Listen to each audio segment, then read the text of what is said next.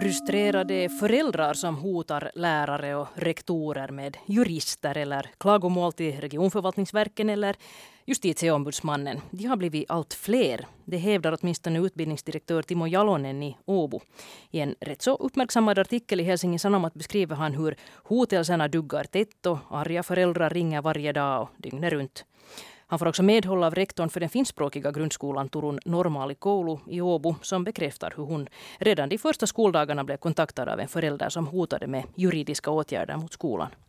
De här två personerna målar upp en bild av att en växande skara föräldrar är direkt hotfulla, osakliga och har tappat greppet om hur man umgås på ett sakligt sätt. Trots att man också understryker att lejonparten av alla föräldrar ändå beter sig hyfsat. Föräldraorganisationer har reagerat ganska kraftigt på den här bilden av, av då hotfulla och besvärliga föräldrar och menar att det här kan få direkt skadliga effekter på samarbete mellan hem och skola rent generellt. Då. Det här har jag tänkt att vi ska prata om här i dagens Slaget efter tolv. Jag heter Maria Nylund. Och med mig här så har jag Mikaela Romanchuk som är verksamhetsledare för Hem och skola. Välkommen. Är Mikaela där? Nu hör vi inte Mikaela, men vi går vidare och hälsar välkommen till Malin Eriksson som är överinspektör på regionförvaltningsverkens svenska enhet för bildningsväsendet. Välkommen. Tack så mycket. Betyder det här nu alltså att du är överinspektör för alla svenska skolor i svensk Finland? Ja, svenska, bildnings, eller eh, svenska enheten för bildningsväsende vid regionförvaltningsverket är nationell, så det är alla som har svenskspråkig utbildning som hör till vår, vårt område. Just det. Och Nicke Wulf, välkommen du också. Tack så mycket. Du är rektor för Signeus skola i Åbo som är då en skola för årskurserna 1 till 6. Äh, ja. Vi ska hoppas att vi får Mikaela Romanchuk här på tråden alldeles strax. Eh, höstterminen har nu alltså då kört igång för ungefär 550 000 elever i grundskolan i Finland. Jättemånga. Och dessutom 200 000 elever på andra stadier. Så det eh, jättemånga elever som har börjat skolan nu då i höst. Och, och det där, jag vill börja med dig Nicke Wulf. Du har kommenterat den här pågående diskussionen om, om föräldrar då som enligt Timo Jalonen allt oftare hotar med rättsliga följder och så vidare. Så har du sagt så här att allihop har samma och lika stort ansvar och skyldighet till saklig diskussion, inte bara skolan. Vill föräldern faktiskt lösa någonting eh, är man saklig, vilket de flesta är, men tyvärr är de personliga påhoppen allt vanligare och gravare. Du har alltså erfarenhet av, av att föräldrar skulle ta till grövre metoder för att få sin vilja igenom. Vill du berätta om det här? Ja, alltså, överhuvudtaget kan man ju säga att, att jag vet inte om antalet, antalen i sig har ökat markant, men, men stilen av, av de fallen har, har blivit gravare och, och kanske liksom värre. Eh, det blir, det blir mera personliga påhopp, det blir mera hot. Eh, vi har lärare som hängs ut osakligt på, på sociala medier. Vi har vi har hot om justitieombudsmän och, jurister och, och vi har rent situationer i skolan som upplevs hotfulla, fysiskt hotfulla. Vi har lärare som har stundvis inte vågat ha ett, ett ensamt samtal med vårdnadshavare utan vi har varit fler vuxna och sånt. Och det är liksom den här, den här ändan av det här när det går fel som har nog ökat och, och blivit liksom tuffare. Och, och, och det som jag påtalar är att, att skolan har ju ett ansvar och vi är alla kommunala tjänstemän och lyder under en viss lagstiftning. Men, men det finns alltid två mynt på den här sidan. Vi, skolan kan inte lösa en sån situation som skolan inte har möjlighet att lösa heller. Och, och att jag, skulle, jag skulle hoppas på att, att vi skulle komma till en, en en situation var, var inte vi är den där, det där illamåendet slaskhink, men att, att helt enkelt samhället kanske blivit någonting och, och då, då måste man liksom jag tycker inte att vi ska lära oss leva med det. Det ska inte vara en del av lärarjobbet. Men att, att vi måste någonstans liksom fundera på att, att, hur man kunde lösa det. Mm. Kan du beskriva på något vis, vad, när du blir uppringd, så vad kan det här samtalet handla om? Det kan handla helt om, om, om konflikter mellan elever som, som föräldrarna tycker att, att man inte har tagit hand om. Det kan handla om, eh, om eh, någon elev har sagt någonting åt en annan elev. Det kan vara frågan om bedömning, det kan vara frågan om om eh, när vi ska på utflykter, någonting kring de instruktionerna. Alltså egentligen vad som helst från, från att skolan inleds till att, att skolan har tagit slut. Det, det är liksom, spektrumet är väldigt stort. Och, och mycket handlar om, om alltså missförstånd är det ju väldigt ofta. Antingen sådana här riktiga missförstånd eller så vill man missförstå på flit. Och, och, och, oftast så går de nog att reda ut, men att, att det är jättejobbigt att börja reda ut en när samtalet inleds väldigt, väldigt hårt och hotfullt utan att knappt ens presentera sig själv utan så att säga kommer till kritan direkt. Mm. No, kan du ännu säga, tycker du att det här har förändrats under den tid som du har varit rektor? Alltså har det då ökat? Eller? Absolut. Helt klart har det ökat. Och, och det, som, det som kanske har liksom ökat, man, man har tagit kanske den här amerikanska modellen att jaha, vem är din förman? Tanken i det att, att istället för att våga ta den där diskussionen med den människan som det handlar om, så, så är man mån om sina rättigheter och, och sitt, sin syn på att man går till till exempel till förman. Mycket av, av de diskussionerna jag har kan handla om det att, att man kunde ta det med läraren. Sen kommer för mina förmän samtal. Jag menar, vi har samtal som går ända till, kan gå till, till borgmästaren om saker och ting som sker på en enskild skola. Då är det ju någonting i den här konfliktlösningskommunikationskedjan som har brustit väldigt, väldigt allvarligt. Mm. No, jag säger bara här, hej det är Mikaela, jag är med på tråden jättefint. nu så att ni vet och jag har hört diskussionen. Vad bra, vi ska, jättebra att du är med och vi kommer strax till dig. Jag tänkte fråga dig Malin Eriksson först, alltså som nu då är överinspektör på regionförvaltningsverken. Alltså när man som förälder då är jättemissnöjd eh, med någonting till exempel med Nicke Wulfs skola här eller någon annanstans. Och, det där, och diskussionerna sen då med skola och rektor inte har lett någon vart, så då kan man då lämna in ett klagomål till er. Eh, och då undrar jag, vad säger statistiken? Alltså har de här klagomålen också ökat? Jag hade tänkt kolla det här innan jag kom hit, men eh, jag fick inte tag på den där riktigt färskaste statistiken och vad som har hänt här de senaste åren. Men jag skulle säga att det är ganska stabilt och vår svenska enhet får inte jättemycket klagomål. Vi har ganska nöjda, nöjda elever och föräldrar i, i de svenska skolorna, vad jag kan se. Och vi har också valt att jobba proaktivt för vi tycker att det är mycket roligare att ha få klagomål och nöjda elever än att ha det andra vägen. Så att vi fortbildar, fortbildar ganska mycket lärare i just i mycket när det gäller just den här administrationsbiten, för det är kanske något som vi upplever att inte lärarutbildningen ger så hemskt mycket medel till. Administrationsbiten, vad menar du med det? Egentligen hur, alltså man lär sig undervisa i lärarutbildningen och det är ju inte kanske så konstigt. Men man kanske inte alltid har koll på de där mekanismerna, hur hela skolan är uppbyggd och beslutsfattande processer och lagstiftningen, den är kanske inte den som är starkast när man är nybakad lärare. Mm. No, får jag nu fråga, att de klagomål som kommer in, vad handlar det om då? De kan nog handla om riktigt hela spektret de också. Och det kan vara små saker och, och vi brukar ofta få först ett samtal och där en missnöjd förälder då berättar sitt ärende och ganska ofta så brukar vi börja med att fråga, eller nästan alltid frågar vi, har du varit i kontakt med skolan? För vi tycker att de ska lösas lokalt, de här problemen. Och sen brukar det ofta vara så att de löses sen då på den vägen och så kommer det där ärendet kanske inte någonsin till oss. Eller så kan vi reda ut och informera att så här, så här är lagstiftningen och du har egentligen ingenting här nu att komma med och då blir det också avblåst så att säga. Så att vi har ganska mycket telefon eller e-postkontakt också. Och det är kanske det som gör att sen antalet klagomål blir ganska litet. Mm, just det, så det är inte så hemskt många klagomål? Nej, det är nog inte jättemånga. Okej. Okay. Mikaela Romanchuk från Hem och skola, alltså, vad, vad, tänker du om det här som har sagts nu här? Eh, Nicke Wulf som är rektor här nu då, så, så det där beskriver ändå att, att den här, så här osakliga och ganska aggressiva kontakter från föräldrar liksom har ökat. Mm.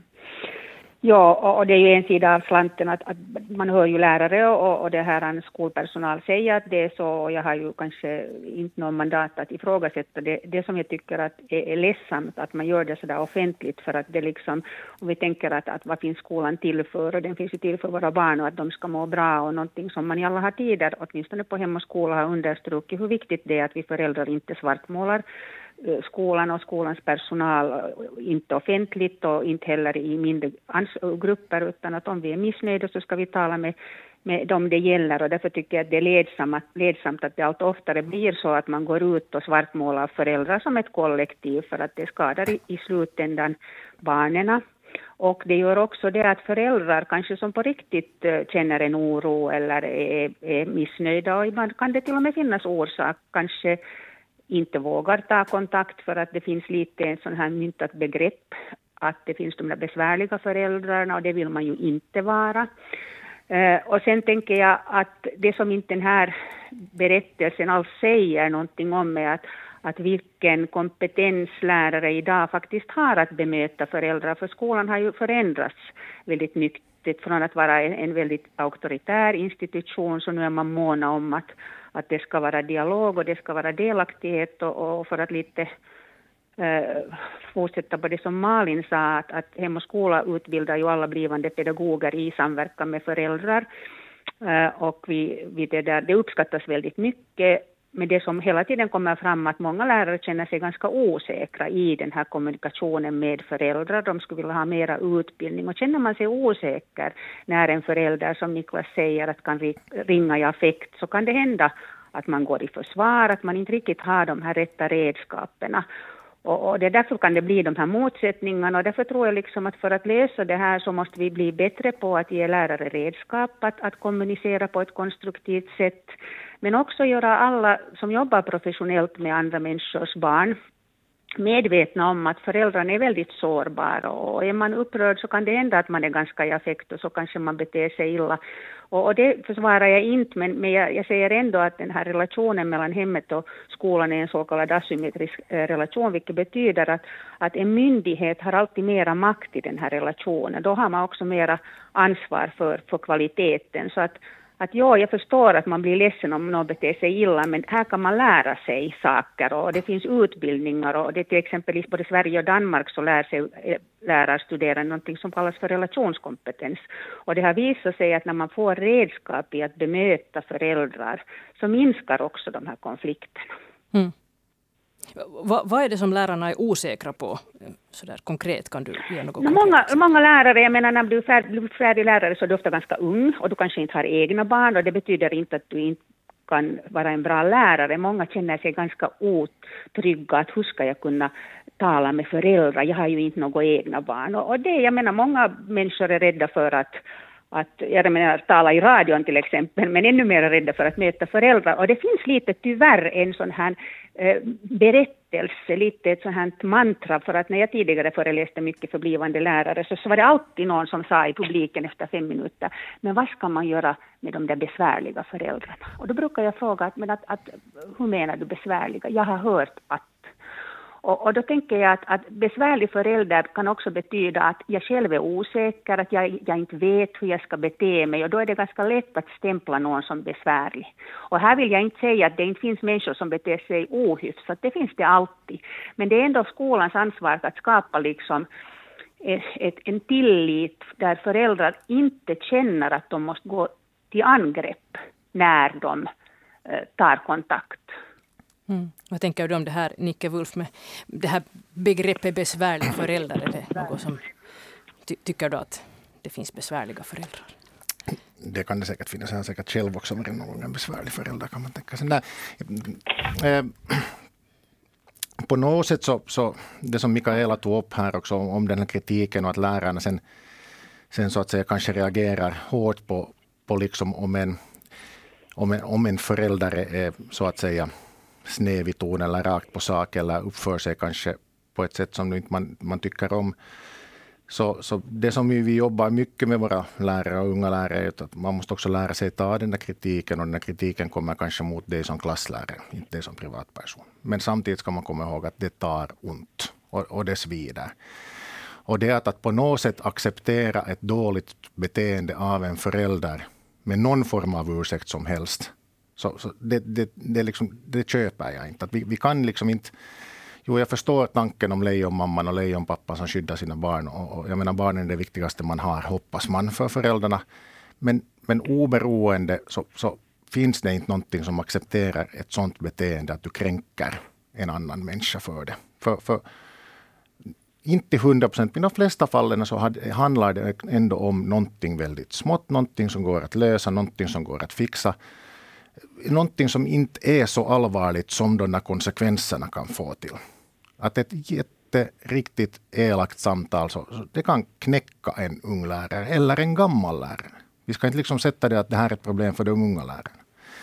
Så att på något sätt när vi försöker lära barnen också att, att vi ska liksom respektera varandra, vi ska tala OK med varandra, så kan inte vi acceptera heller i vårt samhälle att, att jag menar, ett beteende som inte är okej. Okay. Mm. Det som, jag, sen, som Malin sa om det här just att, att, att Avis roll, så det som jag tycker också har varit jättebra, att, att skolorna kan fråga. Och, och, skolorna har alltid kunnat också ringa dit, att det är inte bara föräldrarna som ringer till regionförvaltningsverket, utan skolorna ringer också att hej, vad ska vi göra? Och då har man också fått väldigt mycket svar. Jag tror att skolorna har blivit bättre. Tidigare gjorde man kanske mycket mer på känsla och fingertoppsfilis. Skolorna har blivit bättre på att göra saker och ting rätt. Mm, enligt lagens bokstav. Enligt lagens mm. bokstav, mm. ja. Sen, och sen om det känns rätt så kan det ju alltid vara en annan sak. Men får jag fråga Mikaela Romanchuk, eh, vad tror du, alltså om en förälder nu beter sig eh, liksom dåligt eller som Nicke Wulf här beskriver att man inte presenterar sig utan man går rakt på sak och man svär det första man gör. Så, så, så, så vad kan det vara som liksom, vad upplever en sån här förälder eh, när man börjar vifta till exempel med juristkort eller, eller att man ska klaga till regionförvaltningsverket? Varför, varför, varför tar en del till sådana här åtgärder, mm. tror du? Men jag tror att dels så finns det kanske inte en orsak, men att om jag nu börjar fundera så här att vad det kan bero på, dels så tänker jag att det kan kanske ha att göra med att man inte i skolan har riktigt satsa på det här med att skapa tillit och förtroende. Att ofta är det ju så här att att, att det som är antimobbningsarbete, att det största arbetet görs när det gäller i mobbnings, antimobbningsarbete, det är det förebyggande arbetet. Och samma sak med kontakten till föräldrar, att, att det handlar om att liksom skapa tillit, att skapa delaktighet, att ge utrymme för diskussion, att göra föräldrar delaktiga, alltid själv bemöta föräldrar med respekt och de, möta deras oro med respekt. Och det handlar liksom om hur du i vardagen lyckas förmedla det här till skolan. Det tänker jag det är den ena biten. Sen den andra biten är det, och då tror jag på riktigt att man kan minska Eh, de här så att säga aggressiva påhoppen. Man kan inte få det till noll, det är precis på samma sätt som man inte kan få mobbning till noll. Så att människor är människor och vi reagerar på olika sätt och vi kan ha bekymmer själv och så vidare och så vidare. Men om det kommer så aggressiva påhopp så då har jag nu åtminstone lärt mig och lärt ut att då ska man liksom lyssna och säga att jag hör att du är, man ska bekräfta den här förälderns känsla. Man ska inte gå emot försvar, man ska säga att jag hör nu att du är jätteledsen, jag hör att du är jätteupprörd, jag hör att du är orolig. Att nu skulle jag föreslå att vi, vi det där, träffas och pratar om det här. För att när en människa är affekt så går man in i ett tunnelseende och tänkande och då är det ingen vits att då börja liksom reda ut den här saken. Så det är nu liksom så två saker som jag spontant tänker på. Mm, Malin Eriksson. Ja, jag har stått här en stund och tänkt på det här att vi har en jättemycket skriftlig kommunikation med föräldrarna och så har vi ganska lite muntlig kommunikation upplever jag. Så där ur föräldraperspektiv att det är nästan så att allt mer eller mindre kommer via Vilma och det kommer skriven text. Och det är också lätt att som förälder när som helst på dygnet skriva sina svar till skolan och jag tror att alla lärare idag vet att de jobbar mellan 8 och 16 och så svarar de inte på de här meddelandena. De kanske författar sitt svar men det skickas inte utanför den här tiden och det är väl det, det minsta man ska begära av lärarna att, att jobba under arbetstid och inte utanför arbetstid. Och det här har också lett till det att du i vilket sinnestillstånd som helst får tag på den där dosan och skriver ditt meddelande hastigt och lustigt och inte så genomtänkt. Och det här är kanske någonting vi också behöver kommunicera ut från skolan, att vi hoppas att, att de här Eh, meddelande, att fast ni kan skriva när som helst, men att ni läser igenom och funderar vad ni skickar, så att ni inte behöver ångra er sen, för jag kan tänka mig att det finns en och annan förälder också som har ångrat sig och att vi respekterar lärarnas arbetstid. För att det, det är nog jätteviktigt, för att har vi utvilade, glada föräldrar, lärare så har också barnen det tryggare i, i skolan. Och det här tror jag är någonting som jag, nu vet jag inte när man riktigt har tagit i bruk Vilma sådär till fullarvar, men det kanske du Nicke har haft hela din rektorskarriär mm. har du haft Vilma i bruk, så åtminstone 10, kanske 15 år, åtminstone i de högre klasserna, så har man använt den här skriftliga kommunikationen. Och man skyller ofta på att Vilma är usligt och då är dåligt. Men har vi någonsin Eh, eh, skrivit en kommunikationsstrategi för vår skola. Har vi funderat igenom hur ska vi kommunicera, vad ska vi kommunicera i textform, vad ska vi kommunicera muntligen, ska vi använda Vilma för att kontakta föräldrarna? Så att jag, jag, skulle vilja, jag är lite orolig för ditt barn och jag vill diskutera det här när passar det att diskutera, eller skickar vi en, en lång text om detta har hänt? Och då kan vi nästan vänta oss en bumerang som svarar vad är detta? Mm. Så att, att jag tror att vi behöver liksom lära oss använda vilket verktyg den sen än är. Alla använder inte samma. Åbo är med och, och tar snart i bruk ett nytt system.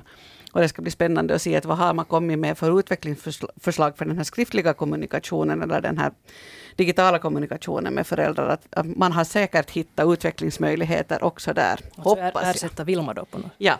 Okej. Okay. Nicke Wulf. ja, och jag, jag tror speciellt så, så har, har de senaste två åren gjort nu under den här pandemitiden att det här mänskliga mötet har försvunnit. Och, och det som Mikaela också tog upp kring det här att, att, att träffa föräldrar överhuvudtaget. Och jag tror att en, en, stor del är att man träffar föräldrar innan det blir alltså ett problem. Alltså du, du har, om du har en relation till klassläraren, du har en relation till ämnesläraren, så, så löser sig problemet. Men om, om du har haft i, i två år en lärare som du aldrig har sett, du aldrig har sett den människan, kanske på ett klassfoto eller någonting. Så då, då är det liksom lättare att det blir en, en konflikt i det där. Så att, att nu, när, nu när vi äntligen kommer i, till en, en normal situation var, var vi kör igång med föräldramöten och, och det blir normala utvecklingssamtal och det blir träffar på skolan och, och föräldrarna är helt på ett annat sätt välkomna till skolan nu igen. Så, så skulle jag nästan påstå att, att vi har en, en jättebra chans också att en stor del av dessa konflikter kan liksom förebyggas i det. Att man helt enkelt har en relation. För har du en relation till en människa så är nog tröskeln väldigt mycket högre att du blir otrevlig och, och, och i ton. Båda vägarna. Alltså det, det, är liksom lättare att mötas kring det där. Mm. Vi var inne på det här... Ja, säg bara Mikaela. Ja, om jag får bara flika in på det som Niklas säger, att, att, att helt rätt att, att vi har ju lite tappat kontakten på grund av de här två åren av pandemin och det tror jag liksom, och det försöker vi jobba mycket med på Hem och skola, att man faktiskt skulle skapa både formella och informella möjligheter till att träffas på skolan och faktiskt utnyttja alla möten till dialog och diskussion och inte så mycket information. Det kan man få i skrift, men det är själva dialogen Eh, skapar just den här relationen och delaktigheten som gör att man kanske inte har ett sådant behov att, att liksom kritisera. Och sen måste man också komma ihåg att ibland kanske det finns orsak att kritisera. Och det måste man också som, som en representant av en myndighet liksom kunna ta emot. Och jag tänker själv också som ledare att, att ibland så har man, man tycker själv att man har gjort ett jättebra jobb och, och, och liksom förberett massor och så kommer en kollega och lite kritiserar ditt upplägg. Så nu är den där första spontana impulsen att man skulle ha lust att försvara sig. Men då kan det löna sig att räkna till tio och fundera att okej, okay, att kanske hon har någonting nu som faktiskt eh, är hon har kanske rätt och kanske jag inte har tänkt till. Att på något sätt tänker jag ändå också det där att alltid också gå till sig själv och fundera att är det någonting jag själv skulle kunna göra annorlunda? Och det tänker jag också i skolan. Jag tycker det var trevligt att Marit kunde, kunde bekräfta att det kommer inte så mycket besvär, men det kan också ha att göra med att det är ganska hög tröskel för föräldrar att skriva ett besvär. Men det är en annan diskussion. Men jag tänker att om det nu kommer mycket sådana här klagomål till skolan så måste man kanske också se sig själv i spegeln och fundera att kan vi bli bättre på att bemöta föräldrar och deras oro. Mm, Malin Eriksson vill jag säga. Ja, jag tänkte också på det här med den här snabbheten i kommunikationen. Att vi är så vana att vi ska få det där svaret liksom direkt. Och det är helt fint att säga att vet du, det här har jag inte tänkt på. Att nu, nu ska jag ta reda mm. på hur det är. Och då lägga på luren ja. eller släppa tangentbordet och andas några gånger, kanske prata med en kollega före man skriver det där svaret. Och, och det, det, tror jag är någonting som vi måste, vi, vi måste inte gå in i den där snabbheten när vi kommunicerar. Vi måste inte hela tiden ha svar på allt, utan det, det är nog en ganska viktig, viktig bit att också pausen är en, en viktig del av kommunikationen. Och då, blir det, då, då får man igen det där trycket lite att lugna sig. Sen var jag, äh, hade jag en annan tanke också, men den stack. Okej, okay, jag vill fråga dig, Nicke Wulf, alltså det som Mikaela Romanchuk här sa om att, att det ibland kan vara befogat att komma med kritik och att man då också... Äh, när tycker du att det är befogat att ringa rektor, till exempel? När man har fråga. Alltså tröskeln är ju obefintlig, ska vara. Att när man har obefintlig tröskel? Ja, alltså, nu ska man kunna ringa och fråga. Jag tycker att det, överhuvudtaget så upplever jag ju det att, att jag har ju mycket bättre möjlighet att svara i telefon än vad läraren har. Läraren är fast hela dagen, så om man nu är någonting man undrar så kan man absolut ringa till skolans rektor. Men, men ska vi säga så här att, att vad heter det, man kan ändå alltid fundera på liksom att, att, att behöver jag ringa det nu? Liksom lite den här ärendets typ också, just som Malin tog upp det, att rusa till kritan. Så att, att, att, att, man kan också som förälder fundera, vilket man hamnar själv också som förälder, men väntas nu, kan det här stämma? Att före jag nu brusar upp mig och, och drar förutfattade meningar så kanske jag skulle fundera, att kan det här nu stämma och vad kan det här handla om? Mm. Och sen när man har gjort det, så sen kan man ta kontakt. Och, och, och jag menar, absolut gör skolan också misstag. Mm. Det, kan, det, är helt självklart. Jag kan tänka mig att många är hemskt rädda för att få den här stämpeln i pannan att no, nu ringer den där kvinnan igen. Jag, jag, tror att det handlar mycket om det där första mötet som du har också, att hur du blir välkomnad till skolan som förälder. Alltså vad, vad är den där, den där första stunden du kommer som förälder på ett infotillfälle till skolan? Hurdant är det? Hurdant bemötande, hurdan känsla får du av de människorna som möter dig? Och får du en, en öppen känsla av att det är helt OK, så, så jag, jag menar, då finns den här tröskeln.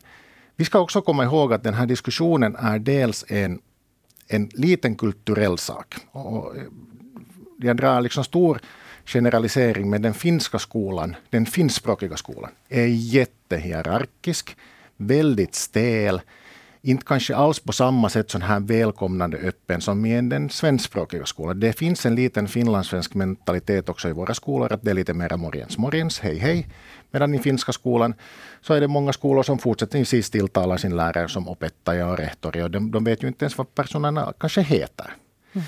Och, och, då kan det alltså, då, då talar vi om ändå ett, ett olikt kommunikationsklimat också mellan den finska skolan hela finskspråkiga skolan och den svenskspråkiga skolan. Det här vet jag inte och det kan kanske Mikaela veta mera från föräldrasynvinkel och, och Malin säkert också. Ja, Malin Eriksson står här och nickar. Ja, det här ser vi faktiskt. Eh, nu, det hade jag också tänkt få reda på hur stor procent av våra våra ärenden som vi avgör på finska, men det är en överhängande stor majoritet. Och det betyder ju att här finns någonting jag vet inte, är det föräldrarnas förväntning på skolan eller är det kommunikationen det brister i eller uh, vad det handlar om. Men någonting måste vara, vi har ju förstås också ofta tvåspråkiga familjer så vi har, vi har ganska många tvåspråkiga barn som har och också enspråkigt finska barn som har valt svenska skolan. Och blir det då en, en brist i den där kommunikationen mellan skola och förälder, eller är det en förväntning som inte liksom stämmer, att, att du har själv gått i en skola där det har varit fyrkantigt och raka led, och så är ditt barn i en sån kaosskola där alla bara säger morgens, morgens åt läraren och kallar den vid förnamn, så blir det ju en krock. Och då behöver vi också kommunicera skolkultur och, och den biten när vi börjar. Och jag, vet, jag har jobbat i en minoritetsspråksskola och då är det ju jätteviktigt att hålla fast vid det svenska. Men tappar vi då an, andraspråkiga, de som inte har svenska som modersmål och tappar någonting i den kommunikationen. Och det här gäller framförallt också våra nyanlända. Hur kommunicerar vi med dem?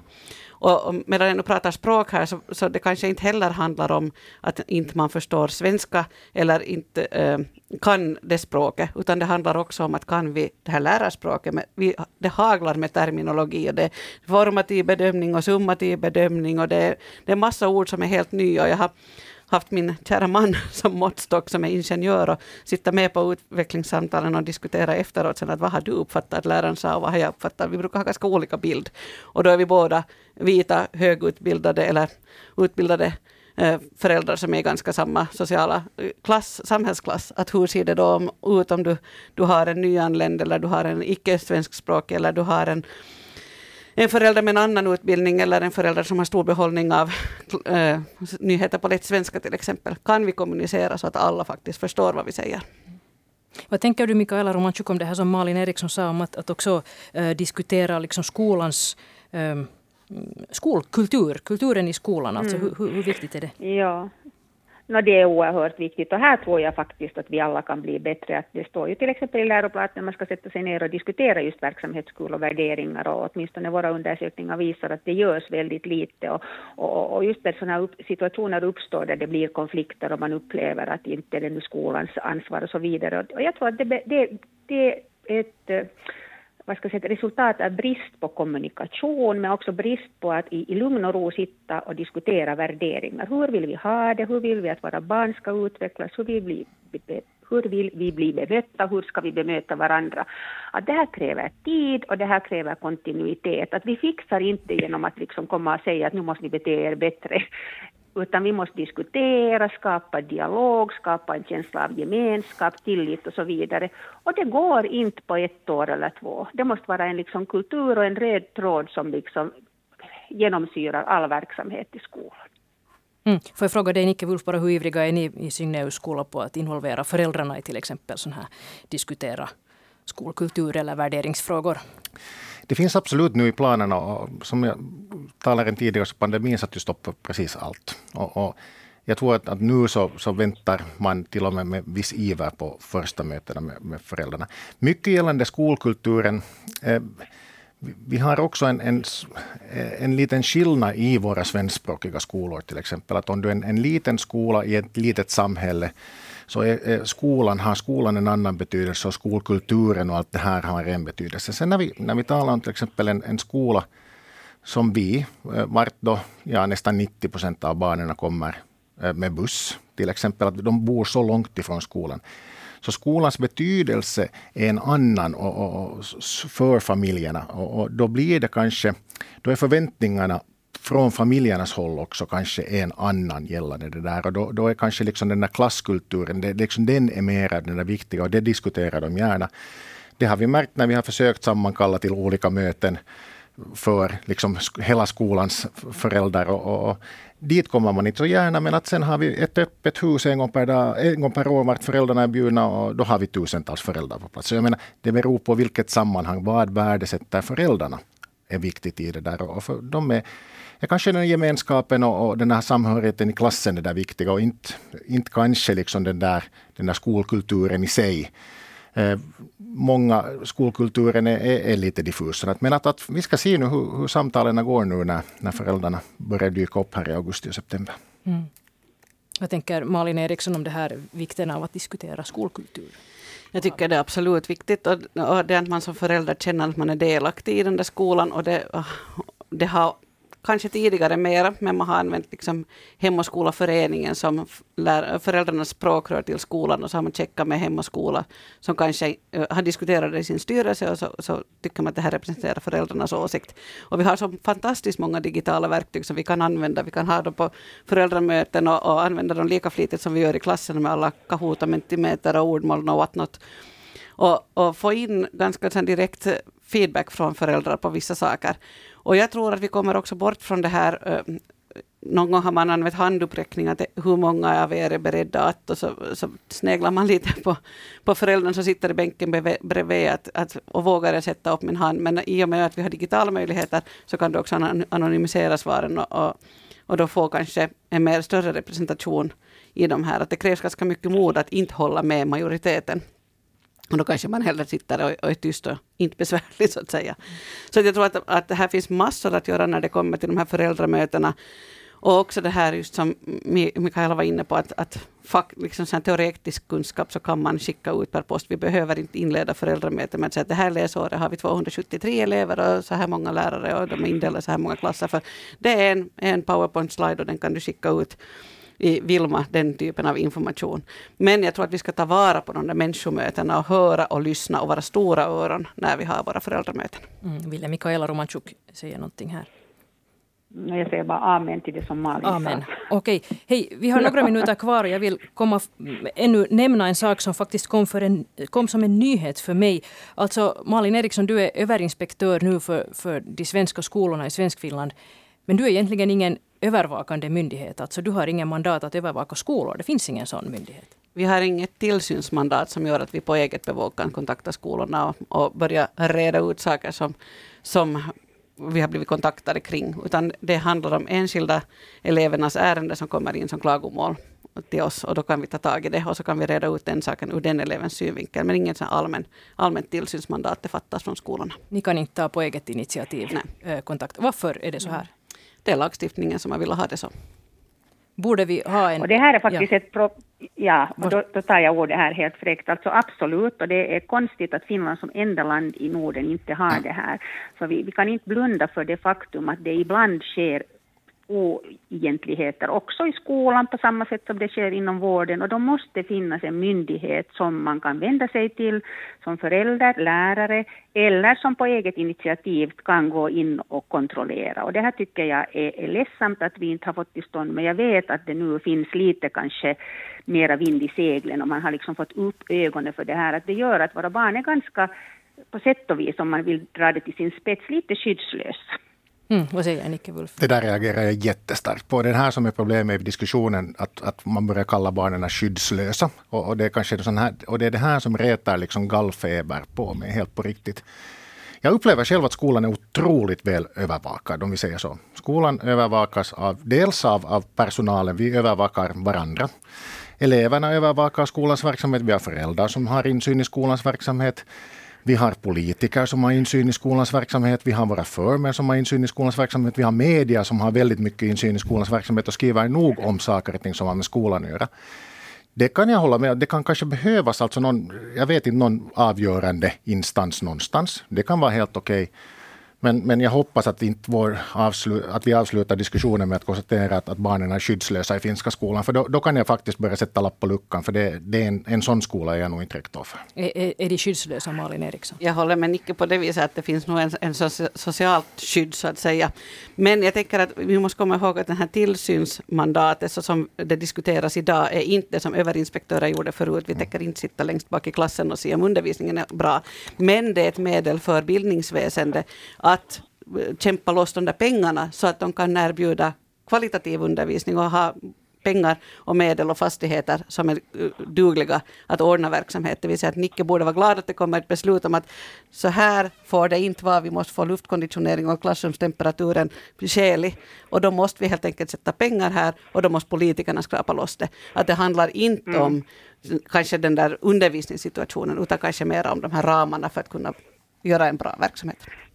Maria Romanchuk. Exakt, och jag tror att det här, det här, därför blir liksom ofta lärare och skolpersonal väldigt upprörda, för att, att man är kanske inte riktigt um, insatt i vad det de facto skulle betyda. Alltså det handlar just om det här som Malin sa, jag tar ett annat exempel, att, att det finns mycket stipulerat i lagen och läroplanen vilka rättigheter barn har, till exempel gällande stödfunktioner och hälsovård och elevvård. Men nu finns det ingen som kan övervaka att det faktiskt uppfylls. Så att jag, jag, jag ser, sin, om jag skulle vara rektor, att jag skulle liksom applådera att det skulle finnas den här myndigheten med ett tillsyns mandat för att garantera att jag som rektor kan se till att jag kan hålla en hög kvalitet på undervisningen. Mm, Nicke Wulf. Någon som hjälper dig att kämpa för din luftkonditionering eller skolpsykolog till din skola? Eller något jag, jag, ser inte problem, alltså jag ser inte det där problemet hos oss. Alltså, jag menar, om vi behöver en luftkonditionering så, så måste man börja förhandla. Det är inte så att jag kan gå och köpa den maskinen av vem som helst. Jag, menar, jag ser inte det där problemet i sig. Eh, har inte vi en kurator eller en psykolog, vilket har varit vårt fall, så nu har vi nog alla kämpat för det. Jag menar, det, vi, Men jag, hittar, vi, jag hittar, inte, vi, hittar, vi hittar inte, ursäkta Mikaela, nu talar jag. Så, vi, har, jag menar, vi har försökt anställa en skolpsykolog. Vilken myndighet som helst kan komma och säga att ni behöver ha en skolpsykolog. Det finns inte skolpsykologer som kan... Så jag menar, just det här att, att äh, vi ska inte ordna och sätta ihop en instans för, för den skull och sen kan vi sätta händerna och säga att hej vitsigt, nu har vi fixat det här. Mikaela Romanchuk. Men får jag fråga dig Nicke, bara en sån här motfråga som brukar kanske väcka lite till åt. Tycker du att det är bra att det finns en myndighet som övervakar social och hälsovården, Valvira? Tycker du att det behövs? Absolut. Men, varför behövs men, men det liksom... inte någon som varför tycker du då inte att det finns, behövs en motsvarighet för att, att liksom övervaka utbildning och, och dagvård? För att vår verksamhet kanske ser aningen annorlunda ut än Valviras. Barnen är inte sådär 24-7 inlåsta i våra klassrum.